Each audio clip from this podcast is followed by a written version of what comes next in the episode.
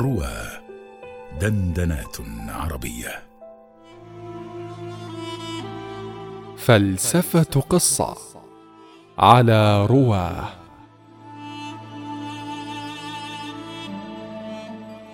قالوا وخرج رسول الله صلى الله عليه وسلم وحده إلى الطائف يلتمس من ثقيف النصر والمنعه له من قومه فلما انتهى إلى الطائف عمد إلى نفر من ثقيف هم يومئذ سادتهم وأشرافهم. فجلس إليهم فدعاهم إلى الله وكلمهم بما جاءهم له من نصرته والقيام معه في الإسلام على من خالفه من قومه. فلم يفعلوا وأغروا به سفهاءهم وعبيدهم يسبونه ويصيحون به حتى اجتمع عليه الناس وألجأوه إلى حائط لعتبة بن ربيعة وشيبة بن ربيعة وهما فيه.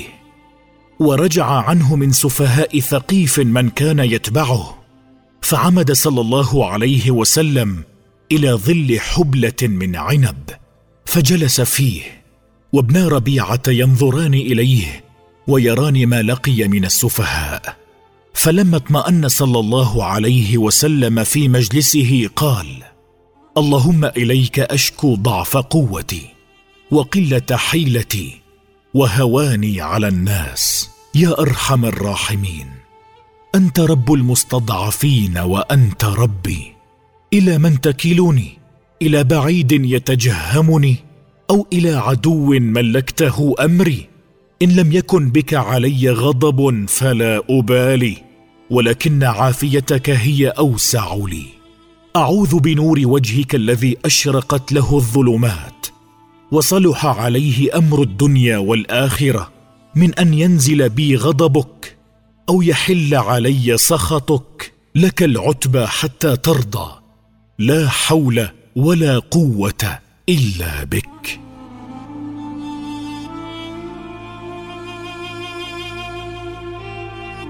ألا ما أكمل هذه الإنسانية؟ التي تثبت أن قوة الخلق هي درجة أرفع من الخلق نفسه. فهذا فن الصبر لا الصبر فقط وفن الحلم لا الحلم وحده. قوة الخلق هي التي تجعل الرجل العظيم ثابتا في مركز تاريخه لا متقلقلا في تواريخ الناس محدودا بعظائم شخصيته الخالدة لا بمصالح شخصه الفاني. ناظرا في الحياة إلى الوضع الثابت للحقيقة لا إلى الوضع المتغير للمنفعة. وما كان أولئك الأشراف وسفهاؤهم وعبيدهم إلا معاني الظلم والشر والضعف. تقول للنبي العظيم الذي جاء يمحوها ويزيلها إننا أشياء ثابتة في البشرية. لم يكن منهم الأشراف والسفهاء والعبيد بل كان منهم العسف والرق والطيش. تسخر ثلاثتها من نبي العدل والحرية والعقل فما تسخر إلا من نفسها. صغائر الحياة قد أحاطت بمجد الحياة. لتثبت الصغائر أنها الصغائر وليثبت المجد أنه المجد. كان الفريقان هما الفكرتين المتعاديتين ابدا على الأرض. إحداهما عش لتأكل وتستمتع وإن أهلكت والأخرى عش لتعمل وتنفع الناس وإن هلكت. كانت الأقدار تبادي هذا الروح الواسع بذلك الروح الضيق لينطلق الواسع من مكانه ويستقبل الدنيا التي عليه أن ينشئها.